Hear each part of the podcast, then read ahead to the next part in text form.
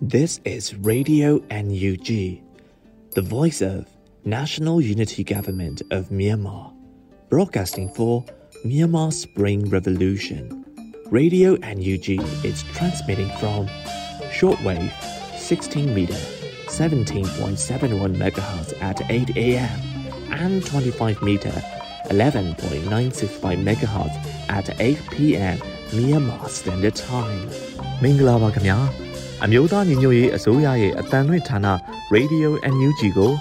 မနက်၈နာရီမှလိုင်းတို16မီတာ7.3 MHz ညပိုင်း၈နာရီမှ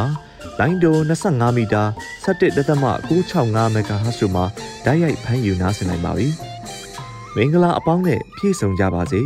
။အခုချိန်ကစပြီး Radio NUG အစီအစဉ်တွေကိုဓာတ်ရိုက်အတန်လွှင့်ပေးနေပါပြီ။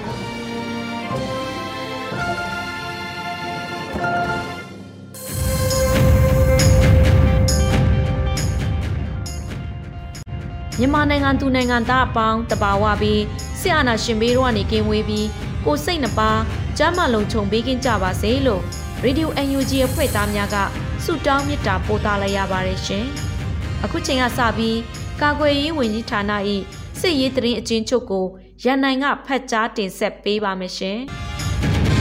။ကာကွယ်ရေးဝန်ကြီးဌာန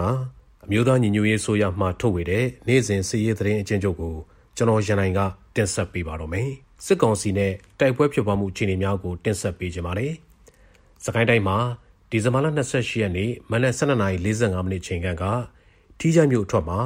စစ်ကောင်စီထောက်ပို့ရင်25စီကိုပြည်သူ့ကာကွယ်ရေးပူးပေါင်းတပ်ကမိုင်းလေးလုံးဖြင့်တိုက်ခိုက်ခဲ့ပြီးမနက်09:15မိနစ်ချိန်ကမှာထီးချိုင်မြို့နယ်စားတွင်းကြီးရွာနီမှာမိုင်းနှလုံးနဲ့ထပ်မံတိုက်ခိုက်ခဲ့ပါတယ်။ ဒီဇင်ဘာလ28ရက်နေ့မနက်2:15မိနစ်ချိန်ကအင်းတော်မြို့နယ်တွင်ဝင်ရောက်လာတဲ့စစ်ကောင်စီရင်နှန်းကိုအင်းတော်ကျောင်းကုန်းရွာကြားလမ်းပိုင်းမှာပြည်သူ့ကာကွယ်ရေးအဖွဲ့အင်းတော်ကမိုင်းဆွဲတိုက်ခိုက်ခဲ့ရာစစ်ကောင်စီတပ်ဖွဲ့ဝင်10ဦးထပ်မံထိခိုက်မှုရှိခဲ့ပါတယ်ခင်ဗျာမကွေးတိုင်းမှာတော့ဒီဇင်ဘာလ29ရက်နေ့နေ့လယ်3နာရီခန့်ကဂံကောင်းမြို့နယ်မြောက်ဘက်မိုင်းတိုင်း18မိုင်တဖာလုံးနဲ့18မိုင်တဖာလုံးကြားနေရာမှာ ခြေလျင်တက်လာတဲ့စစ်ကောင်စီတပ်သားအင်အား100ကျော်စစ်ကြောင်းကို YDF ဂန်ကောကမိုင်းဆွဲတိုက်ခိုက်ခဲ့ရာစစ်ကောင်စီမိုင်းစရာနဲ့တပ်သား3ဦးသေဆုံးခဲ့ပါတယ်။ဒီဇင်ဘာလ29ရက်နေ့နေ့လယ်12:20မိနစ်20ချိန်ခန့်ကဂံကောမြို့နယ်ကျောမြို့ကထွက်လာတဲ့စစ်ကောင်စီရင်တန်း48စီကိုပလဲဂံကောလမ်းမကြီးပေါ်မှာပြည်သူတော်လှန်ရေးတပ်မတော် PRA ကပရိသာမိုင်းနဲ့တိုက်ခိုက်ခဲ့ရာအပြန်အလှန်3နိုင်ကြာတိုက်ပွဲဖြစ်ပွားခဲ့ပြီး စစ်ကောင်စီတပ်သား9ဦးသေဆုံးခဲ့ပါတယ်။စစ်ကောင်စီကကျူးလွန်တဲ့ရာဇဝတ်မှုများကိုလည်းတင်ဆက်ပေးပါဦးမယ်။ချင်းပြည်နယ်မှာဒီဇင်ဘာလ28ရက်နေ့ကမင်းတပ်မြို့နယ်ရှက်ကြီးရွာနာမှာစစ်ကောင်စီတပ်သားများကစိုက်ကယ်တစည်းကိုမိရှို့ဖျက်ဆီးခဲ့ပြီးပြည်သူ2ဦးကိုလည်းမိရှို့တပ်ဖြတ်ခဲ့တယ်လို့သိရပါတယ်။ဒီဇင်ဘာလ28ရက်နေ့ကမင်းတပ်မြို့ထဲကိုပြန်ဝင်လာတဲ့စစ်ကောင်စီတပ်သားများကပြည်သူ2ဦးကိုကျိုးနဲ့တုပ်ပြီးခလာရ နှစ်ခွန်လေးတက်ကိုခေါ်ဆောင်သွားတယ်လို့သိရှိရပါတယ်ခင်ဗျာ။စကိုင်းတိုင်းမှာတော့ဒီဇင်ဘာလ28ရက်ညပိုင်းကဒီဇင်ဘာလ28ရက်နေ့အထိကလေးမြို့နယ်နယ်ချောင်းရွာမှာစစ်ကောင်စီတပ်များကလူနေအိမ်အလုံး20ထက်မနည်းကိုမိရှို့ဖျက်ဆီးခဲ့ပြီးနယ်ချောင်းရွာဘုံကြီးကျောင်းမှာပိတ်မိနေတဲ့စစ်ဘေးရှောင်ရွာသူရွာသားများထံမှဖုန်းများကိုလည်းတင်စီထားတယ်လို့သိရှိရပါတယ်။ဒီဇင်ဘာလ29ရက်နေ့ညကထီးချိုင်းကတက်လာတဲ့စစ်ကောင်စီတပ်များက ကသာမြို့နယ်ကြောက်ပုံနဲ့တံမယာကြားရေအေးချောင်းနာမှာကြောက်ပုံရွာသား9ဦးနဲ့တံမယာရွာသား2ဦးကိုအကြောင်းပြချက်မဲ့ဖမ်းဆီးသွားခဲ့ကြပါတယ်ခင်ဗျာမန္တလေးတိုင်းမှာဒီဇင်ဘာလ29ရက်နေ့ညနေ9:50မိနစ်50ချိန်ခန့်ကနထိုးကြီးမြို့နယ်ပဲကြီးခင်းကျေးရွာမှာတက်ဆွဲထားတဲ့စစ်ကောင်စီများမြင်းကြံမြို့နယ်တဲပင်ကျေးရွာကိုရောက်ရှိလာပြီးပြည်သူပိုင်ဆံမြေပဲနဲ့အသုံးဆောင်ပစ္စည်းများကိုပြည်သူများထံမှအတင်းအဓမ္မ ယူဆောင်သွားခဲ့ကြပါတယ်ခင်ဗျာ AR တိုင်းမှာတော့ဒီဇင်ဘာလ28ရက်နေ့ကငရုတ်ကောင်းမြို့နသဘူးကျေးရွာမှာစစ်ကောင်စီများကဒေသခံလူငယ်နှစ်ဦးကို အကြောင်းပြချက်မဲ့ဖမ်းဆီးသွားခဲ့ကြပါတယ်ခင်ဗျာအခုတင်ဆက်ပေးခဲ့တဲ့နေ့စဉ်စီးရဲသတင်းအချင်းချုပ်များကိုတော့မြေပြင်သတင်းတာဝန်ခံများနဲ့သတင်းဌာနများမှဖော်ပြလာတဲ့အချက်လက်များပေါ်မှာအခြေခံပြုစုထားတာဖြစ်ပါတယ်ခင်ဗျာ ယခုဆက်လက်ပြီးနောက်ဆုံးရပြည်တွင်းသတင်းများကိုအေရီကတင်ဆက်ပေးမှာဖြစ်ပါတယ်ရှင်။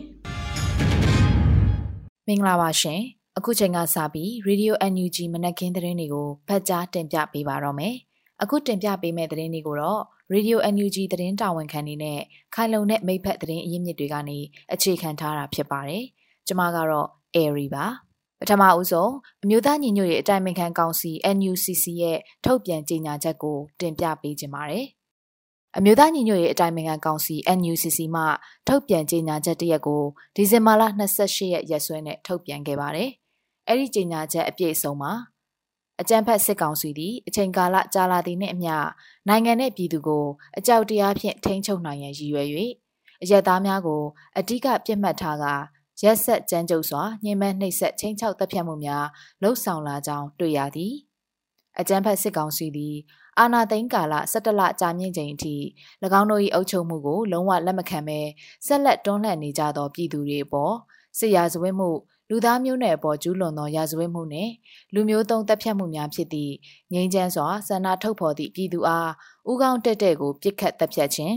ဖမ်းဆီးနှိပ်စက်တပ်ဖြတ်ခြင်းကားဖြင့်တိုက်၍ဖြိုခွင်းဖမ်းဆီးခြင်းကြံမိသားစုဝင်များအားတစားကန်ဖြစ်ဖမ်းဆီးခေါ်ဆောင်ခြင်း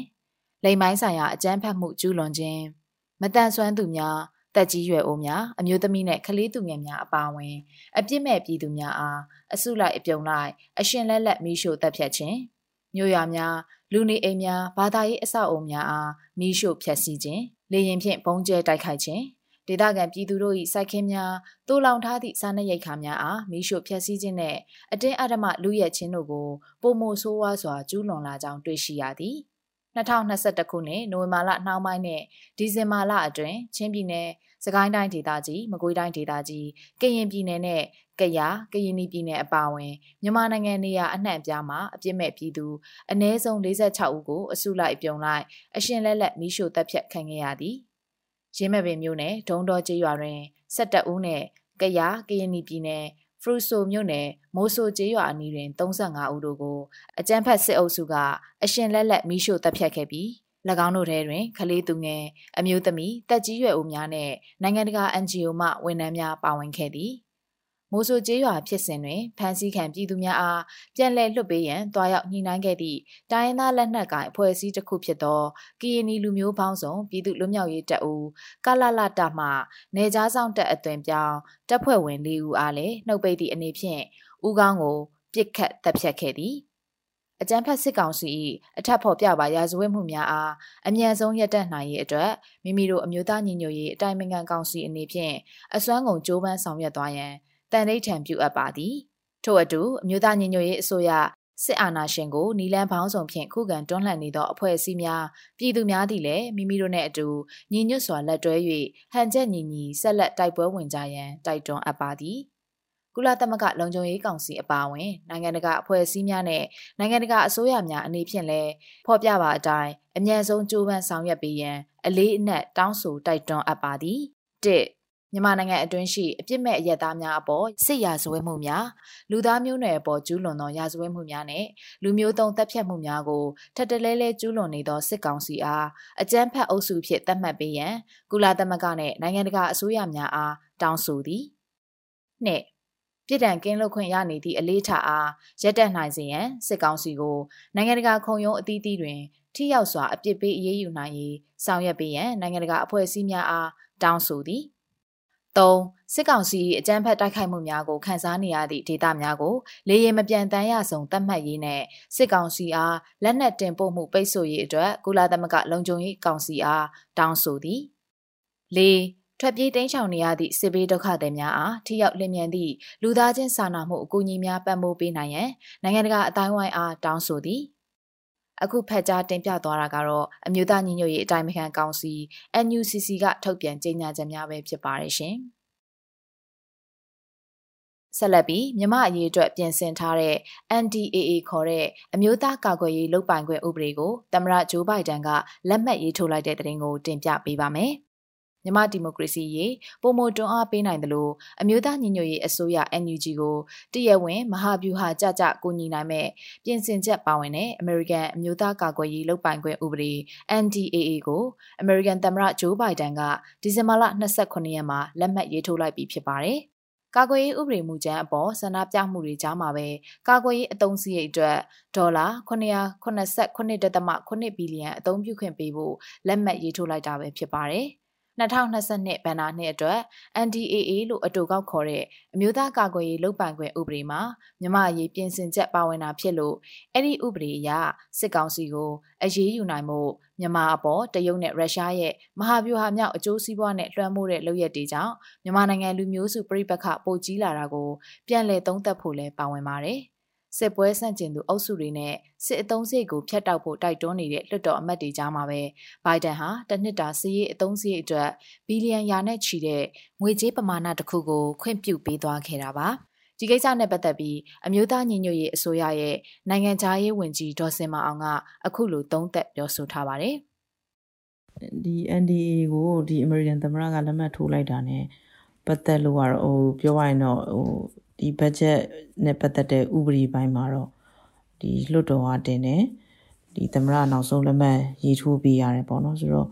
အတီးပြုတ်လိုက်တယ်လို့ဖြစ်သွားတယ်ပြီးတော့လက်တွေ့ပို့ဆန်လာမှာပေါ့လေဒီဥပဒေတွေကျန်တဲ့မှာဥပဒေတွေမှာပါတဲ့အတိုင်း budget ခွဲဝေမှုကအစနောက်ပြီးတော့ monitoring လုပ်တဲ့အပိုင်းတွေပေါ့နော်ဒီဘိုင်းတွေမှာပို့ပြီးတော့ပါလာမှာဖြစ်တဲ့အတွက်ကြောင့်မို့လို့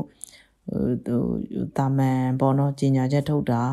နိုင်ငံရေးအရ naming and shaming လုပ်ပြီးတော့ရှုတ်ချတာလောက်တဲ့တင်မကဘဲနဲ့လက်တွေ့ကြတဲ့ဒီကုညီထောက်ပံ့မှုတွေကိုပို့ပြီးတော့သွားမယ်အပိုင်းလို့တော့မြင်လို့ရပါတယ်ရှင်ဒါကတော့အမျိုးသားညီညွတ်ရေးအစိုးရရဲ့နိုင်ငံခြားရေးဝန်ကြီးဒေါ်စင်မအောင်ရဲ့ NDAA ပေါ်သုံးသက်ချက်အမြင်ပါ အမျိုးသားကာကွယ်ရေးဆိုင်ရာတရားဝင်ခွင့်ပြုချက်အဥပဒေ NDAA လို့လူသိများကြတဲ့ဥပဒေတရက်ကိုဘိုင်ဒန်ကတနင်္လာနေ့မှာလက်မှတ်ရေးထိုးခဲ့တဲ့အကြောင်းအိမ်ဖြူတော်ကထုတ်ပြန်ကြေညာခဲ့ပြီးအဲ့ဒီဥပဒေချမ်းမှာအမေရိကန်တပ်ဖွဲ့ဝင်တွေကိုလစာတိုးမြင့်ပေးတာလည်းပါရှိခဲ့ပါတယ်ရှင်။ကော့ဂရိတ်မြောက်ရီအာရှလမ်းမကြီးမှာအရက်သားကားတွေနဲ့အင်အားတိုးချဲ့နေမှုကြောင့် KNU ကစီကန်းချက်ထုတ်ပြန်လိုက်တဲ့တဲ့တင်ကိုတင်ပြပေးခြင်းပါတယ်။ အာနာသိန်းစစ်ကောင်စီရဲ့မတရားကျူးကျော်ဖမ်းဆီးမှုကြောင့်ဒီဇင်ဘာလ15ရက်ကစတင်ခဲ့တဲ့၄ကီကောဒေတာတိုက်ပွဲတွေဟာအခုချိန်ထိစစ်ရေးတင်းမာနေဆဲဖြစ်ပါတယ်။ကျသက်တပတ်နှစ်ပတ်ထိကြာမြင့်လာနေတဲ့စစ်ကောင်စီနဲ့ KNL ပူးပေါင်းတပ်ဖွဲ့တို့ရဲ့နှစ်ဖက်တိုက်ပွဲမှာအထိနာခဲ့တဲ့စစ်ကောင်စီဟာတိုက်လေရင်တွေစစ်ရဟတ်ရင်တွေတုံးဆွဲပြီးပူးပေါင်းတပ်ဖွဲ့ရှိရာကိုလေကြောင်းတိုက်ခိုက်မှုတွေပြုလုပ်ခဲ့ပါတယ်။ လေကြောင်းတိုက်ခိုက်မှုတွေကြောင့်စစ်ရှောင်ဒုက္ခသည်တွေတိုးပွားလာနေတဲ့အပြင်ပူးပေါင်းတပ်ဖွဲ့ဘက်ကလည်း PDF ရဲဘော်တွေကြာဆုံးမှုတွေရှိခဲ့ပါတယ်။လေးကီကောဒေတာကိုစစ်ကောင်စီတပ်က၄ချိန်မြောက်လေကြောင်းပစ်ခတ်တိုက်ခိုက်မှုအဖြစ်ဒီဇင်ဘာလ29ရက်မွန်းလွဲတနာရီခွဲအချိန်မှာပြုလုပ်ခဲ့ကြပါတယ်။လေကြောင်းပစ်အားအပြင်လက်နက်ကြီးအမြောက်များသုံးစွဲနေတဲ့အာနာသိန်းတပ်တွေဟာမြေပြင်တပ်တွေကိုလည်းအင်အားတိုးချဲ့နိုင်မှုနှီးမျိုးစုံနဲ့စ조사နေကြပါတယ်။ KNL ပူးပေါင်းတပ်ဖွဲ့ဘက်ကလည်းစစ်ကောင်စီအဓိကအားထားရလမ်းဖြစ်တဲ့ကော့ဂရိတ်မြောက်ရီအာရှလမ်းမကိုကြားပြတ်စောင့်ကြိုတိုက်ခိုက်နိုင်မှုစူးစမ်းနေရပါတယ်။ဒီဇင်ဘာလ26ရက်နေ့ကဖြစ်ပွားခဲ့တဲ့နှစ်ဖက်တိုက်ပွဲမှာတော့စစ်ကောင်စီဘက်ကတရင်မှုအပါအဝင်9ဦးထပ်မံတေဆုံးခဲ့ပြီးဒေသခံတထောင်ဝန်းကျင်ခန့်ဟာလည်းအရေးပေါ်တိမ်းရှောင်ခဲ့ကြရတယ်လို့သိရပါတယ်။ အခုလိုစီရေးတင်းမာနေစေအခြေအနေမှာပဲကော့ဂရိတ်မြောက်ရီကားလမ်းမိုင်းဖြစ်တဲ့အာရှလမ်းမပေါ်မှာစစ်ကောင်စီတပ်တွေဟာအရက်သားကားတွေကိုအုံပြုပြီးတော့စစ်အင်အားတိုးချဲ့တာတွေပြုလုပ်နေတဲ့အတွက်ပြည်သူတွေအနေနဲ့လိုက်နာရမယ့်စီကံချက်တွေကို KNU ကထုတ်ပြန်လိုက်ပါတယ်။ထုတ်ပြန်ချက်အရကရင်အမျိုးသားအစည်းအရုံး KNU တပ်မဟာ9နဲ့တပ်မဟာ6နယ်မြေအပိုင်းခြားဖြစ်တဲ့အာရှလမ်းမကိုစီကံချက်၄မျိုးလိုက်နာရမှာဖြစ်တယ်လို့ဒီဇင်ဘာလ29ရက်နေ့ရက်စွဲနဲ့သတင်းထုတ်ပြန်လိုက်တာပါ။ စစ်ကောင်စီဘက်ကအရက်သားကားတွေတုံးပြီးတော့တာလဘက်တွေအုပ်ပြီးလာကြတော့အရှိမရှိတဲ့ကျွန်တော်တို့ရဲဘော်တွေအတွက်လောက်ရကန်ရတအားခတ်တယ်အဲ့လိုလှုပ်ပြီးသွားတာမြောက်တွေကိုနှစ်ခါလောက်ရောက်သွားပြီဆိုတာကျွန်တော်တို့သိတယ်အဲ့တော့အခုလိုအချိန်မျိုးမှာပြည်သူတွေအနေနဲ့သွာလာတာတွေမလုပ်ရင်တော့အကောင်းဆုံးပဲသွာလာမယ်ဆိုလဲတေချာချင်းချင်းစဉ်းစားပြီးမှသွားဖို့တော့ပြောချင်တာပေါ့လို့ KNU ဗဟိုကော်မတီဝင်ဖရိုစောတော်နီကပြောပါတယ်စီကန်းချက်တွေအနေနဲ့ကတော့အရက်သားကားတွေအနေနဲ့သွာလာခြင်းပြုလုပ်တဲ့အခါမှာ ကားတကားမှန်တွေချထားဖို့နဲ့ KNL ရဲ့တာဝန်ရှိသူတွေဘက်ကတားမြစ်စစ်ဆေးတာတွေလုပ်တဲ့အခါအစစ်ဆေးခံယူဖို့ကားတွေကိုတာလပတ်တွေအုပ်ပြီးသွာလာတာတွေမပြုဖို့နဲ့အကြမ်းဖက်စစ်ကောင်စီတပ်ဖွဲ့ဝင်တွေအပြင်စစ်သုံးပစ္စည်းလက်နက်ခဲယမ်းတွေတဲဆောင်ပေးတာမျိုးမလုပ်ဖို့အချက်တွေပဲဖြစ်ပါတယ်။အဲ့ဒီစီကန်းချက်၄ချက်ကိုရင်မောင်းနေအနေနဲ့ညွှန်ကြားချက်ကိုတိတိကျကျလိုက်နာရမှာဖြစ်ပြီးတော့လိုက်နာခြင်းမရှိခဲ့ဘူးဆိုရင်ပြက်ပြက်သားသားနဲ့အပြစ်ပေးအရေးယူတာတွေပြုလုပ်မယ်လို့ဆိုထားပါတယ်။ လေးကေကောဒေတာကိုလေကြောင်းတိုက်ခိုက်မှုတွေပြုလာနိုင်ပြီးအရက်သားတွေထိခိုက်ပျက်စီးမှုမရှိစေဖို့အတွက် KNU ကရင်အမျိုးသားအစည်းအရုံးကလေကြောင်းပြန်တမ်းမှုကဲမဲ့ဆုံးသတ်မှတ်ပေးဖို့နိုင်ငံတကာကိုတောင်းဆိုထားတဲ့ကြားမှာပဲစစ်ကောင်စီဘက်ကလေကြောင်းတိုက်ခိုက်မှုကိုဦးစားပေးနေတဲ့အပြင်ကြီးချောင်းကနေလည်းအခုလိုအရက်သားနဲ့အရက်သားကားဟန်ဆောင်ပြီးစစ်အင်အားတိုးချဲ့ဝင်ရောက်နေတာဖြစ်ပါတယ်ရှင်။ ရေဒီယို UNG မှဆက်လက်တန်လှည့်နေပါတယ်။ဆက်လက်ပြီးပြည်သူခုခံတော်လှန်စစ်တရင်များကိုຫນွေဦးလိပ်ပြာကတင်ဆက်ပေးမှာဖြစ်ပါတယ်။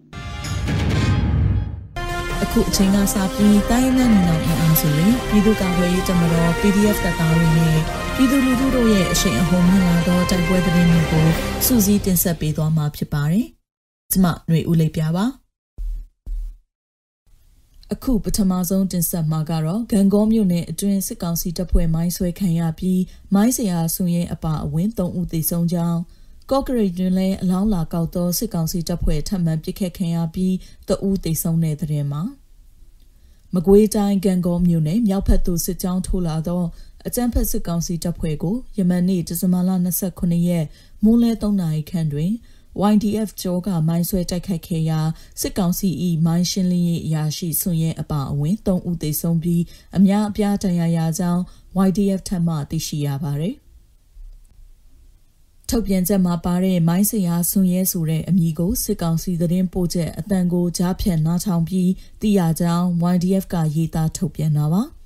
အလားတူကရင်ပြည်နယ်ကော့ကရိတ်မြို့နယ်အာရှလမ်းမှာ ကော့နွယ်တရားထိတ်တွင်လည်းဒဏ်ရာရစစ်သားများနဲ့တေဆုံအလောင်းများလာရောက်တဲ့ယူသောစစ်ကားလေးစီးပါစစ်ကောင်စီတပ်ဖွဲ့နှင့် KNL ကြားဒီဇင်ဘာလ26ရက်ညနေပိုင်းတွင်တိုက်ပွဲဖြစ်ပွားပြီးစစ်ကောင်စီမှတအူးထမှန်သေဆုံးခဲ့ပါသည်ဒီဇင်ဘာလ26ရက်နေ့နက်အစောပိုင်းတွင် အာရှလမ်းမအနီး KNU မွေးမြူရေးဆောင်အနီးတွင် KNL တပ်မဟာ6တပ်ဖွဲ့နှင့် ဖြစ်ပွားသောတိုက်ပွဲတွင်စစ်ကောင်စီ၏ခမရ310မှတရင်မှုအပါအဝင်ကိုဦးသေဆုံးခဲ့ပြီးသေဆုံးအလောင်းများသည့်အာရှလမ်းမပေါ်တွင်ပြန်ကျဲနေကြောင်း KNL သတင်းအရင်းမြစ်အရသိရှိရပါသည်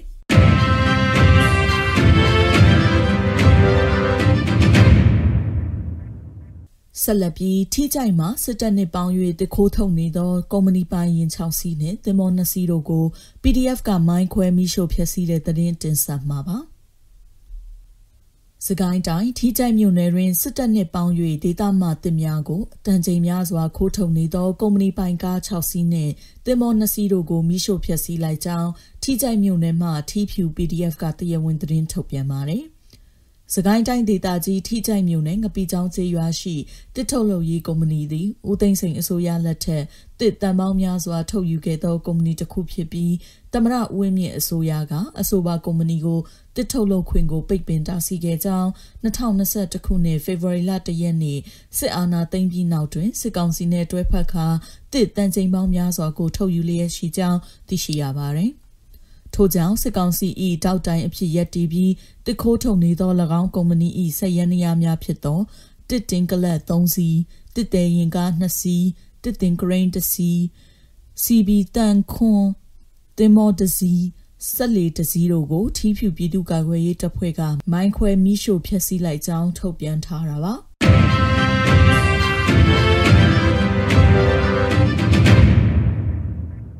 ဆက်လက်တင်ဆက်မှာကတော့စစ်ကောင်စီက KNU တပ်မဟာ3နယ်မြေမှတဆင်တပ်မဟာ9နယ်မြေသို့စစ်အင်အားတိုးချဲ့လာပြီးထိတွေ့တိုက်ပွဲဖြစ်နေတဲ့တဲ့တင်မှာအကြံဖက်စစ်ကောင်စီကစစ်အား480ဦးခန့်နဲ့ရိတ်ခါတင်မြင်းများကိုကရင်အမျိုးသားအစည်းအရုံးတမဟာ3နယ်မြေညောင်လေးပင်ခရိုင်မှတဆင်တမဟာ9နယ်မြေဖပွန်ခရိုင်အတွင်းသို့ပို့ဆောင်လာသောကြောင့်ကြောက်ကြီးမြို့နယ်မူတဲဒေတာတွင် KNL KNDO တို့နှင့်ထိတွေ့တိုက်ပွဲများဖြစ်ပွားခဲ့ပြီးတေရခန့်960ခန့်စစ်ပေးရှောင်တိန်နေရကြောင်း KNU ကသတင်းထုတ်ပြန်ပါတယ်။စစ်ကောင်စီ၏ကား30စီးထဲမှ12စီးသည်စားနပ်ရိက္ခာများကိုတင်ဆောင်ပြီး18စီးသည်မြင်းအကောင်100ခန့်ကိုတင်ဆောင်ခဲ့ကြောင်းစုစုပေါင်းအင်အား480ခန့်ရှိမည်ဟုခန့်မှန်းကြောင်း KNU ကဆိုပါတယ်အကြံဖက်စစ်ကောင်စီ၏အင်အားတိုးချဲ့လာမှုများနှစ်ဖက်ပစ်ခတ်မှုများကြောင့် မူတေဒေတာကာလန်ဘေရှိပေါ်ဖော်ခီစေဘောလူတီပနာအေခီခေခိုကာနှင့်တင်နွယ်ထခေါ်မူတဲစသည့်ကျွော်များရှိအင်ဂျီ86လုံးမှာပြည်သူလူထုပေါင်း958ယောက်တို့သည်ဒီဇင်ဘာလ22ရက်နေ့ကစ၍ထွက်ပြေးတိမ်းရှောင်ပုံအောင်နေခဲ့ပြီးအခက်အခဲများရင်ဆိုင်နေရတယ်လို့ကရင်သတင်းရင်းမြစ်တွေကထုတ်ပြန်ထားပါတယ်။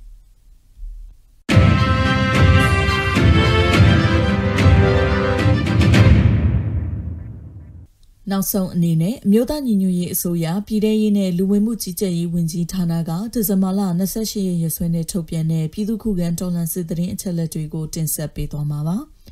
အာနာသိန်းအကြမ်းဖက်စစ်အုပ်စု၏ပြည်သူလူထုအပေါ်အကြမ်းဖက်ဖိနှိပ်ဖန်ဆီးတိုက်ခိုက်တပ်ဖြတ်နေမှုများကိုပြည်သူလူထုတရက်လုံးကအသက်ရှင်သန်ရေးအတွက်မိမိကိုယ်ကိုမိမိခုခံကာကွယ်ပိုင်ခွင့်အရာပြည်သူ့ခန့်စစ် People Defensive War ကိုဆင်နွှဲလျက်ရှိပါတယ်။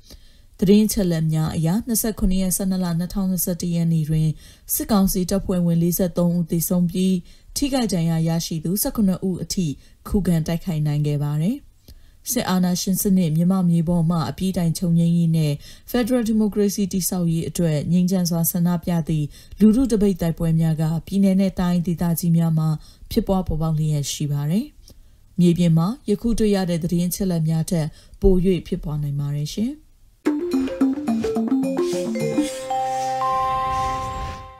ဆက်လက်ပြီးနေ့စဉ်သတင်းများကိုမျိုးတော်ရာက တင်ဆက်ပေးမှာဖြစ်ပါတယ်ရှင်။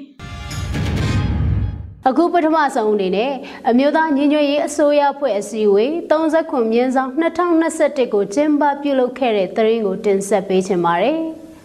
ဒီဇင်ဘာလ28ရက်နေ့နနက်10:00နာရီမှာအမျိုးသားညီညွတ်ရေးအစိုးရအဖွဲ့အစည်းအဝေး39မြင်းဆောင်2021ကိုကျင်းပပြုလုပ်ခဲ့တယ်လို့သိရပါတယ်။ အစည်းအဝေးမှာယာယီသမရကနောက်၃ရက်ဆိုရင်နှစ်သိရောက်တော့မှာဖြစ်ကြောင်း2021ခုနှစ်ဟာမြန်မာပြည်သူတွေအတွက်အင်မရန်ဆိုးရွားတဲ့နှစ်တစ်နှစ်ဖြစ်ကြောင်းဒီဇင်ဘာလ24ရက်နေ့ကကရင်ပြည်နယ်ဖရူဇုံမြို့နယ်မူဆိုရွာအနီးအရက်သား35ဦးကိုအရှင်လက်လက်မိရှို့တပ်ဖြတ်ခဲ့မှုချင်းပြည်နယ်ထန်တလန်မြို့နယ်အိမ်များမိရှို့ဖျက်ဆီးမှုဂဏီတွင်အရက်သား17ဦးကိုတပ်ဖြတ်ခဲ့မှုရောနယ်နှင်းခါရွာတွင်ရွာသားတွေကိုအစုလိုက်အပြုံလိုက်တပ်ဖြတ်မှုနတ်ချောင်းမှာလေရင်နဲ့ပုံကျဲတိုက်ခိုက်ပြီးရွာလုံးကျွတ်မီးလောင်တိုက်သွင်းမှုကလေးမျိုးတွေမှာရွာတွေကိုမီးရှို့ဖျက်ဆီးမှုတွေအပါအဝင်လေးကေကောငိမ့်ချမ်းရေးရွာကိုကျူးကျော်တိုက်ခိုက်ခဲ့မှုစသဖြင့်ပြည်သူတွေဟာစစ်ကောင်စီရဲ့ရက်ဆက်ရုံမှမှုတွေကိုခံစားနေကြရကြောင်း 2022ခုနှစ်နှစ်သက်မှာပြည်သူတွေအားလုံးဟာအမျိုးသားညီညွတ်ရေးအစိုးရနဲ့အတူစိတ်ကောင်စီရဲ့စိုးရုပ်ဖျက်ဆီးမှုတွေကိုအပြည့်သက်ချုပ်ငြိမ်းစေပြီးတာယာဝပြောတဲ့ပြည်သူလူထုအာဏာပိုင်ဆိုသောဖက်ဒရယ်ပြည်ထောင်စုကိုအမြန်တိဆောက်ဖို့တန်တိတ်ထန်ချမှတ်လှုပ်ဆောင်နိုင်ကြဖို့စုတောင်းမြစ်တာပို့တာအကြောင်းတို့ကိုပြောကြားခဲ့တယ်လို့သိရပါတယ်။ ပြည်ထောင်စုဝန်ကြီးချုပ်ကအကြမ်းဖက်စစ်ကောင်စီရဲ့အဆုံးစုံရက်ဆက်ရုံမှမှုတွေကိုကျွန်တော်တို့ပြည်သူတွေခံစားနေကြရကြောင်းအမျိုးသားညီညွတ်ရေးအစိုးရဝန်ကြီးဌာနတွေအနေနဲ့လည်းလေးကိကောဒေသစစ်ရေးကဏ္ဍလူသားချင်းစာနာထောက်ထားမှုအကူအညီပေးရေးကဏ္ဍထိခိုက်ဒဏ်ရာရသူတွေအတွက်ကျန်းမာရေးဆိုင်ရာအကူအညီပေးရေးကဏ္ဍတွေမှာဝန်ကြီးဌာနတွေပူးပေါင်းဆောင်ရွက်နေကြောင်းထိုင်းမြန်မာနယ်စပ်မြဝတီဘက်အခြမ်းမှာစစ်ဘေးရှောင်များထိုင်းနိုင်ငံဘက်ရောက်စစ်ဘေးရှောင်များအားလုံးအတွက်လည်းသက်ဆိုင်ရာဝန်ကြီးဌာနကကူညီစီမံဆောင်ရွက်နေပါကြောင်းကျွန်တော်တို့ဝန်ကြီးချုပ်ရုံအနေနဲ့လည်းမဲကော်ကင်းစစ်ဘေးရှောင်စခန်းကိုတွားရောက်ကစစ်ဘေးရှောင်တွေကိုကူညီအားပေးရင်းလိုအပ်တာတွေဖြည့်ဆည်းလှုပ်ဆောင်ခဲ့ပါကြောင်း အလုသမားဝင်ကြီးဌာနကလည်းတောက်လျှောက်ချိတ်ဆက်ကူညီဆောင်ရွက်ပေးနေတာကြားသိရတဲ့အတွက်ကျေးဇူးတင်ရှိပါကြောင်းလူသားချင်းစာနာထောက်ထားရေးဝင်ကြီးဌာနအနေနဲ့လည်းလေးကိတ်ကောဒေသအတွက်တပတ်အတွင်းမှာရိတ်ခါနဲ့အရေးပေါ်အထောက်ပံ့ပစ္စည်းများအား သိန်းပေါင်း450နီးပါးကူညီထောက်ပံ့နိုင်ခဲ့တယ်လို့သိရပါကြောင်းကရင်ပြည်နယ်တဲ့နိုင်ငံတော်ဝန်ဆက်လက်ကျဲပြန့်လာတဲ့စစ်ကောင်စီရဲ့အကြမ်းဖက်မှုတွေနဲ့ပတ်သက်ပြီးကုလသမဂ္ဂမြန်မာအထူးကိုယ်စားလှယ်ဒေါက်တာနော်လင်းဟေဇာကအပြစ်အခတ်ရက်စဲဖို့ထုတ်ပြန်တောင်းဆိုခဲ့တယ်လို့နိုင်ငံခြားတန်ယုံတချို့ကလည်းပူးတွဲကြေညာချက်ထုတ်ပြီးရှုံချခဲ့တာတွေ့ရပါကြောင်းနိုင်ငံတကာအနေနဲ့လည်းအကြမ်းဖက်စစ်ကောင်စီရဲ့အပြစ်မဲ့ပြည်သူတွေအပေါ်အခုလိုရက်ဆက်ကြမ်းကြုတ်ချုပ်မှုတွေအပေါ်တိထက်ပိုပြီးထိထိရောက်ရောက်နီလန်းတွေနဲ့ကူညီပံ့ပိုးပေးဖို့တောင်းဆိုလိုပါကြောင်းကျွန်တော်တို့ဆိုရအနေနဲ့ပြည်သူတွေစိတ်ကျေနပ်မှုရှိတဲ့ကဏ္ဍတွေရှိသလိုအားမလို့အားမရဖြစ်ကြတဲ့ကဏ္ဍတွေလည်းရှိမှာဖြစ်ကြောင်းကျွန်တော်တို့အနေနဲ့လည်းဒေါ်လာရေးကာလမှုရခိုင်ဒီမိုကရေစီခေတ်အစိုးရလိုလောက်တာဂိုင်နာမှန်သမျှပွင့်လင်းမြင်သာစွာချပြလို့မရတဲ့အခြေအနေမျိုးရှိပါကြောင်းစိတ်ရေးကဏ္ဍတွေဆိုလျှို့ဝှက်စွာဆောင်ရွက်ရမယ့်ကဏ္ဍတွေဖြစ်သလို change of comment ကလည်းအင်မတန်အရေးကြီးပါကြောင်း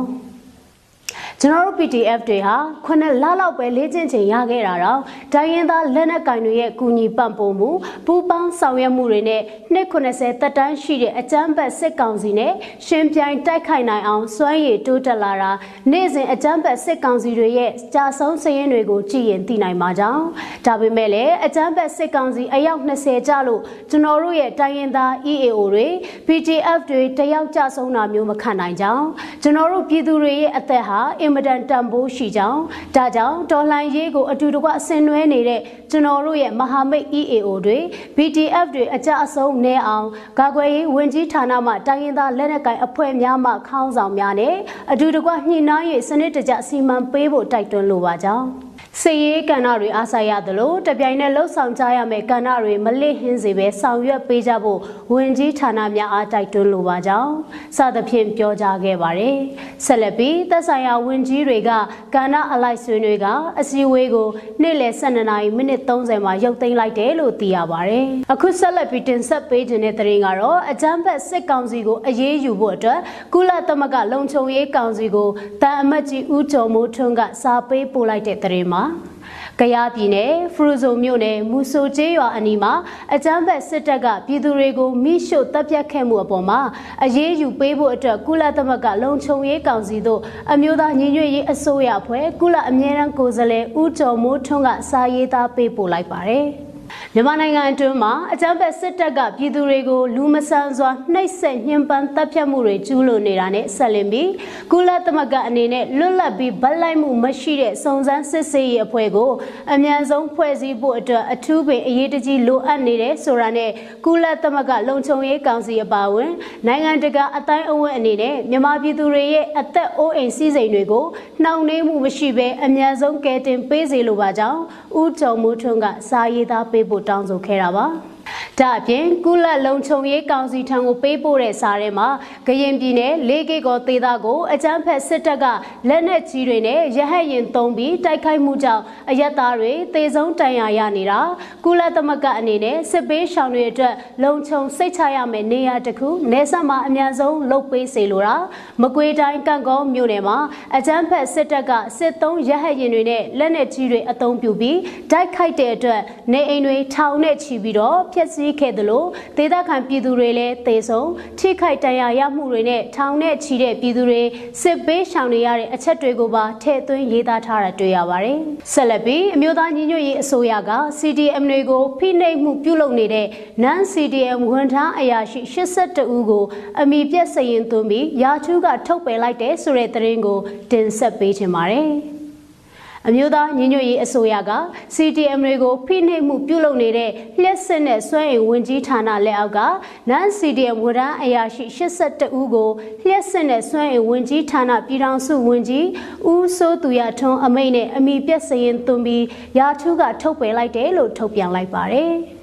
အမေပြက်စရင်နဲ့ယာထူးကထုတ်ပယ်ခံလိုက်ရတဲ့သူတွေဟာ CTM ဝန်ထမ်းတွေကိုဖိအားပေးတာချိန်ချောက်တာယာထူးထုတ်ပယ်တာတရားစွဲတာပြန်ဆက်ရန်မလိုတော့တဲ့ချင်းငွေတွေကို အတင်းအတမပြန်လဲပေးဆက်ခိုင်းတာအဆရှိတဲ့ဖိနှိပ်မှုအမျိုးမျိုးကိုလှုပ်ဆောင်နေတာဖြစ်တဲ့အတွက်ကြောင့်လို့သတင်းထုတ်ပြန်ချက်မှာဖော်ပြထားပါတယ်။ထုတ်ပယ်ခံရသူတွေကရေနာနဲ့သဘာဝတံငွေစီမံရေးဦးစီးဌာနရေနံထွက်ပစ္စည်းကြီးကြပ်စစ်ဆေးရေးဦးစီးဌာနနဲ့မြမရေနံနဲ့တဘာဝတပ်ငွေဦးစီးဌာနတို့ကအရာရှိဝန်ထမ်း82ဦးတို့ဖြစ်ပါတယ်။ဒီကနေ့ကတော့ဒီညနေပဲ Radio NUG ရဲ့အစီအစဉ်တွေကိုခਿੱတရနာလိုက်ပါမယ်။မြမစံတော်ချိန်မနက်၈နာရီနဲ့ညနေ၈နာရီအချိန်တွေမှာပြန်လည်ဆုံတွေ့ကြပါစို့။ Radio NUG ကိုမနက်၈နာရီမှာလိုင်းတို16မီတာ7.7 MHz ညပိုင်း၈နာရီမှာလိုင်းတို25မီတာ 17.665 MHz တို့မှာဓာတ်ရိုက်ဖမ်းယူနားဆင်နိုင်ပါပြီ။မြန်မာနိုင်ငံသူနိုင်ငံသားများကိုစိတ်နှပြကျန်းမာချမ်းသာလို့ဘေးကင်းလုံခြုံကြပါစေလို့ Radio NUG အဖွဲ့သူအဖွဲ့သားများကဆုတောင်းလိုက်ရပါတယ်။အမျိုးသားညီညွတ်ရေးအစိုးရရဲ့စက်သွယ်ရေးသတင်းအချက်အလက်နဲ့ဤပညာဝန်ကြီးဌာနကထုတ်လွှင့်နေတဲ့ Radio NUG ဖြစ်ပါတယ်။ San Francisco Bay Area အခြေစိုက်မြန်မာမိသားစုများနဲ့ နိုင်ငံတကာကစေတနာရှင်များလှူအားပေးများရဲ့ Radio NUG ဖြစ်ပါတယ်။အရေးတော်ပုံအောင်ရမည်။